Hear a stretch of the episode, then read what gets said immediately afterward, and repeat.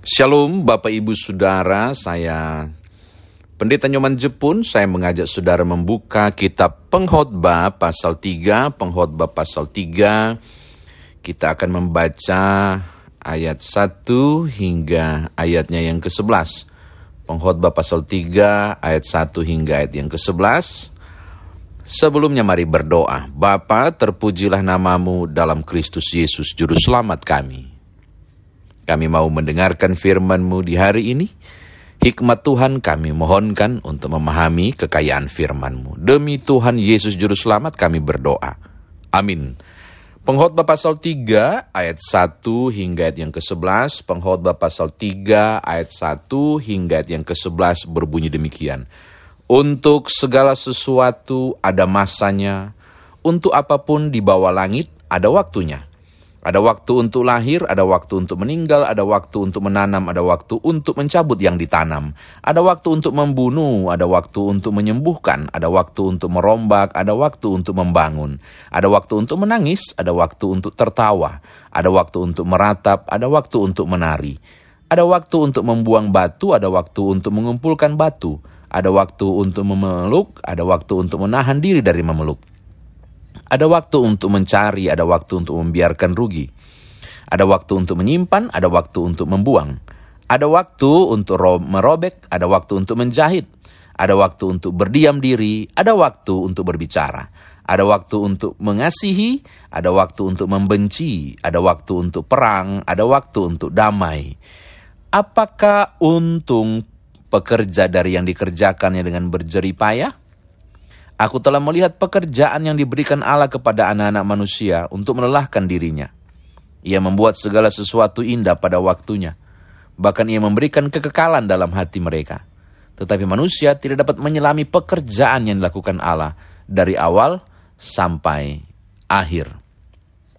Demikian firman Tuhan, saudara saya dikatakan berbahagia jika mendengarkan firman Tuhan ini, merenungkannya, memberitakannya, istimewa melakukan dalam hidup beriman kita. Bapak Ibu Saudara, pengkhotbah, kitab uh, pengkhotbah ini berbicara tentang hal penting di pasal yang ketiga yang sering kali saudara baca dan barangkali juga pernah merenungkannya. Dengan sangat jelas, dia menyebut di ayat yang kedua, Uh, ini hasil perenungan dari Salomo.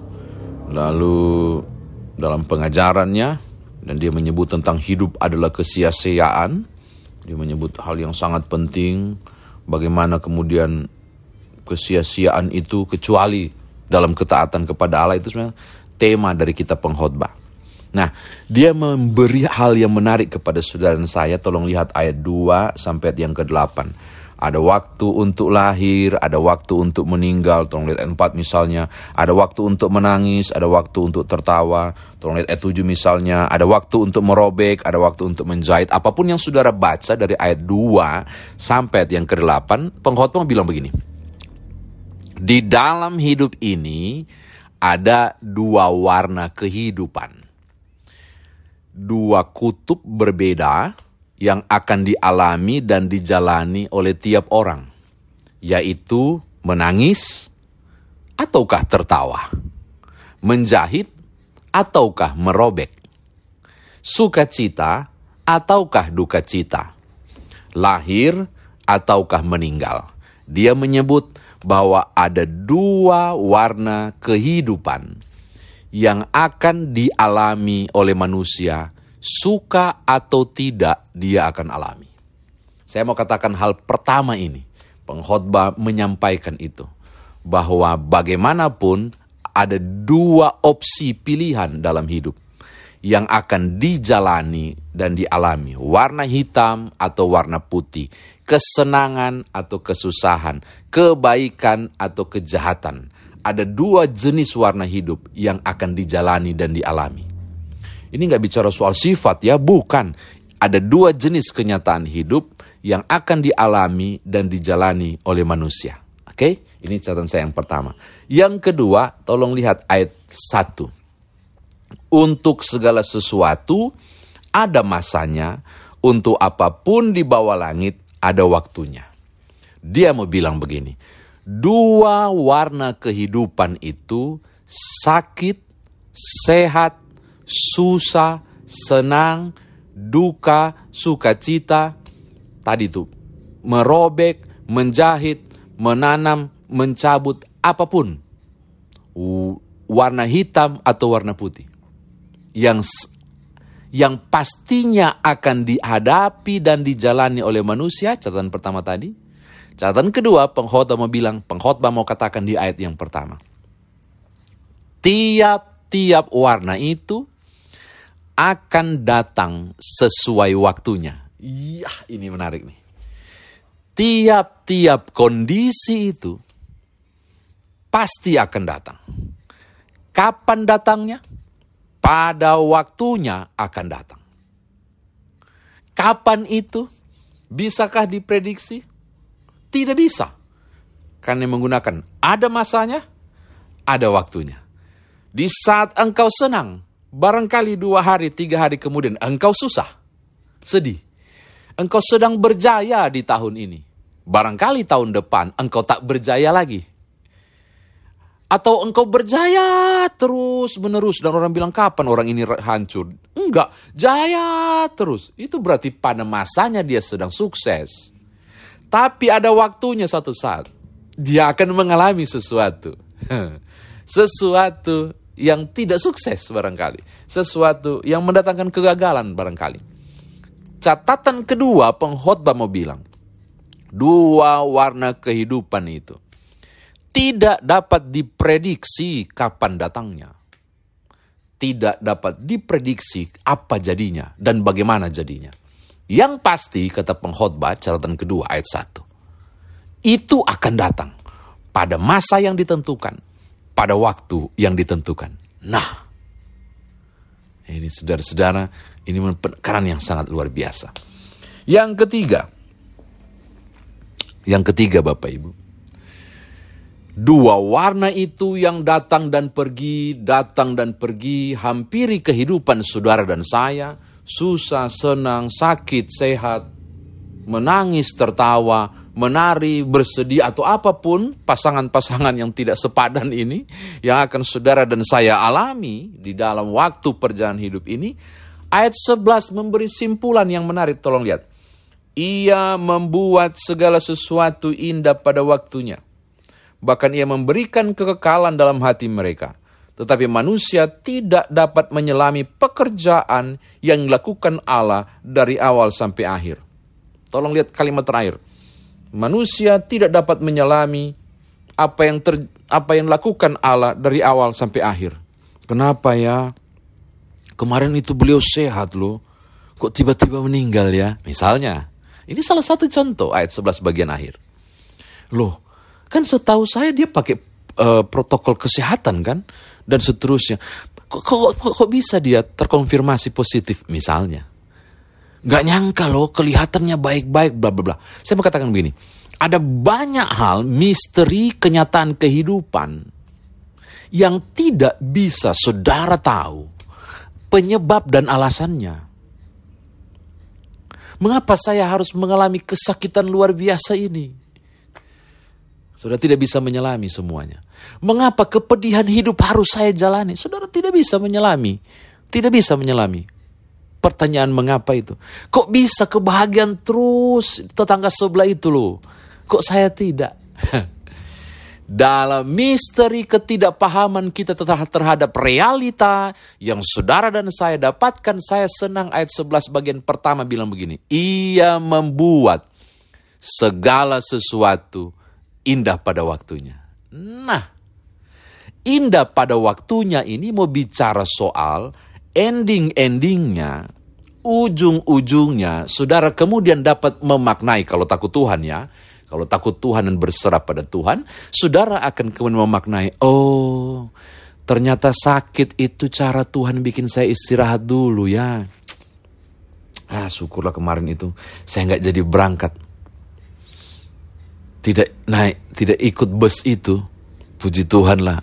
Ada sedikit masalah akhirnya saya nggak naik bus itu dan waduh, andai kata saya tetap berangkat, wow, barangkali saya salah satu daripadanya korban. Apa pun, saya mau bilang ujung-ujungnya engkau yang takut Tuhan, engkau yang berserah pada Tuhan, akan berani mengatakan pemaknaan yang luar biasa. Oh, ini toh maksud Tuhan. Saudara akan tersenyum dan mengatakan, dia memang membuat segala sesuatu indah pada waktunya. Kapan itu? Bukan sembarang waktu.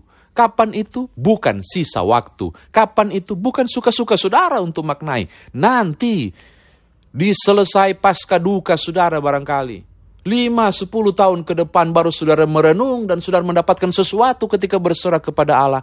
Pantas ya sepuluh tahun yang lalu. Sepuluh tahun yang lalu. Suami saya terpuruk di kursi roda itu. Oh maknanya seperti ini ya. Untuk buat anak-anak saya sadar dan tahu penting tentang bagaimana seharusnya mereka hidup yang benar dalam Tuhan ternyata. Karena ada banyak yang bisa saudara maknai dan saudara akan mengatakan Tuhan membuat segala sesuatu indah pada waktunya. Lagi-lagi saya mau katakan, kalau saudara benar-benar takut Tuhan dan berserah pada Allah, engkau bisa memaknai ayat 11 itu seperti tadi. Dan mengatakan betul ya, akan indah pada waktunya.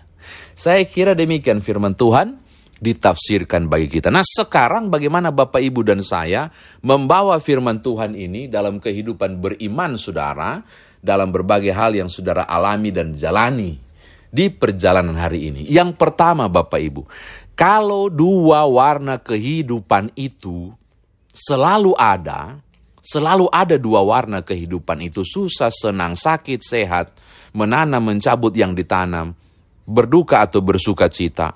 Lalu catatan kedua mengatakan bahwa pasti akan datang, walau waktunya kita tidak tahu, karena akan ada waktunya, akan ada masanya itu, maka apa yang harus saudara lakukan? Dengarkan baik-baik Bapak Ibu. Persiapkan diri saudara, iman, pengharapan, dan percaya saudara, untuk menghadapi dua hal itu apa pun, kapapun, bagaimanapun bentuknya. Itu dulu. Sudah siapkah saudara secara mental, gitu ya dah?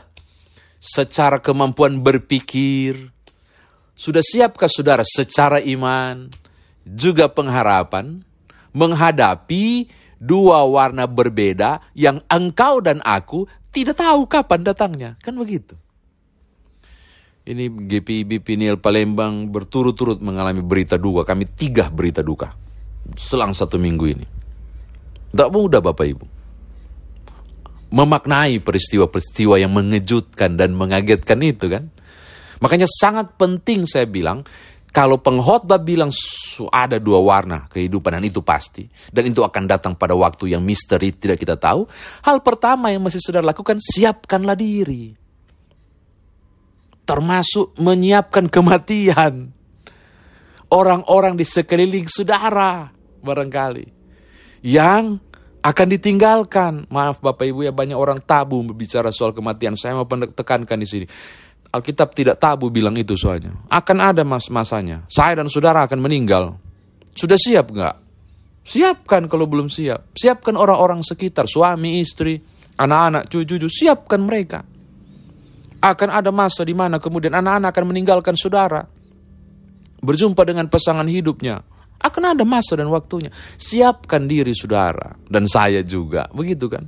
Ada masa di mana kita tidak tahu, sehat-sehat begini tiba-tiba mengalami sakit. Siapkah saudara menghadapinya? Barangkali dengan asuransi kesehatan atau apa pun bentuknya. Ke depan anak-anak punya sekolah makin lama makin tinggi, makin lama makin mahal. Akan masa waktunya akan tiba. Sudah siapkah saudara menyiapkan segala sesuatu? Jadi hal pertama yang saya mengatakan prepare kalau enggak lah, enggak ada guna dong pengkhotbah pasal 3 ayat 1 sampai 11 bahkan sampai ayat yang ke-15 dengan gamblang dibuka kepada Bapak Ibu dan saya. Karena kita sudah tahu akan ada banyak hal yang terjadi di dua warna ini, kita harus persiapkan hal terburuk sekalipun. Mimpi Yusuf di Mesir kan dibilang ada masa tujuh tahun kelimpahan, masa tujuh tahun kehancuran itu, dan di masa kelimpahan mereka siapkan diri untuk menghadapi tujuh masa kesusahan. Jadi hal pertama, siapkanlah itu. Yang kedua, yang terakhir, apa pun warna hidup saudara di hari ini. Saya mau kasih tahu Bapak Ibu. Sedihkah saudara? Susahkah saudara? Bapak Ibu barangkali sedang mengakses radio ini, renungan ini. Di tempat-tempat saudara sedang terbaring sakit. Dengarkan Bapak Ibu saudara. Saudara yang sedang punya masalah keluarga, saudara yang punya persoalan kehidupan, usaha, bisnis, dan pekerjaan, roda masih terus berputar Bapak Ibu. Ada dua warna kehidupan dalam susah, nanti ke depan akan senang, di saat senang nanti ke depan ada akan susah dan seterusnya. Poin kedua terakhir saya mau katakan, apa pun itu Bapak Ibu, apa pun itu. Terpurukkah engkau? Susahkah hidupmu? Sulit hadapi apa pun. Kenyataan begitu pahit di depan mata. Saya mau katakan, dengarkan baik-baik ayat 11. Pada masanya, di atas segala sesuatu pada masanya, di atas segala hal yang diupayakan manusia. Orang percaya harus berani mengimani. Tuhan akan membuat segala sesuatu indah pada waktunya. Dan waktunya yang dimaksud adalah timingnya Tuhan. Bukan sembarang waktu. Bukan suka-suka waktu. Jalani saja kesusahan itu.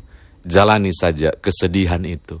Hadapi saja persoalan saudara saya percaya engkau yang takut Tuhan, engkau yang percaya dan berserah kepada Allah, tidak akan dipermalukan. Pada waktunya, dia akan membuat indah itu datang. Tuhan berkati Bapak Ibu. Haleluya. Amin.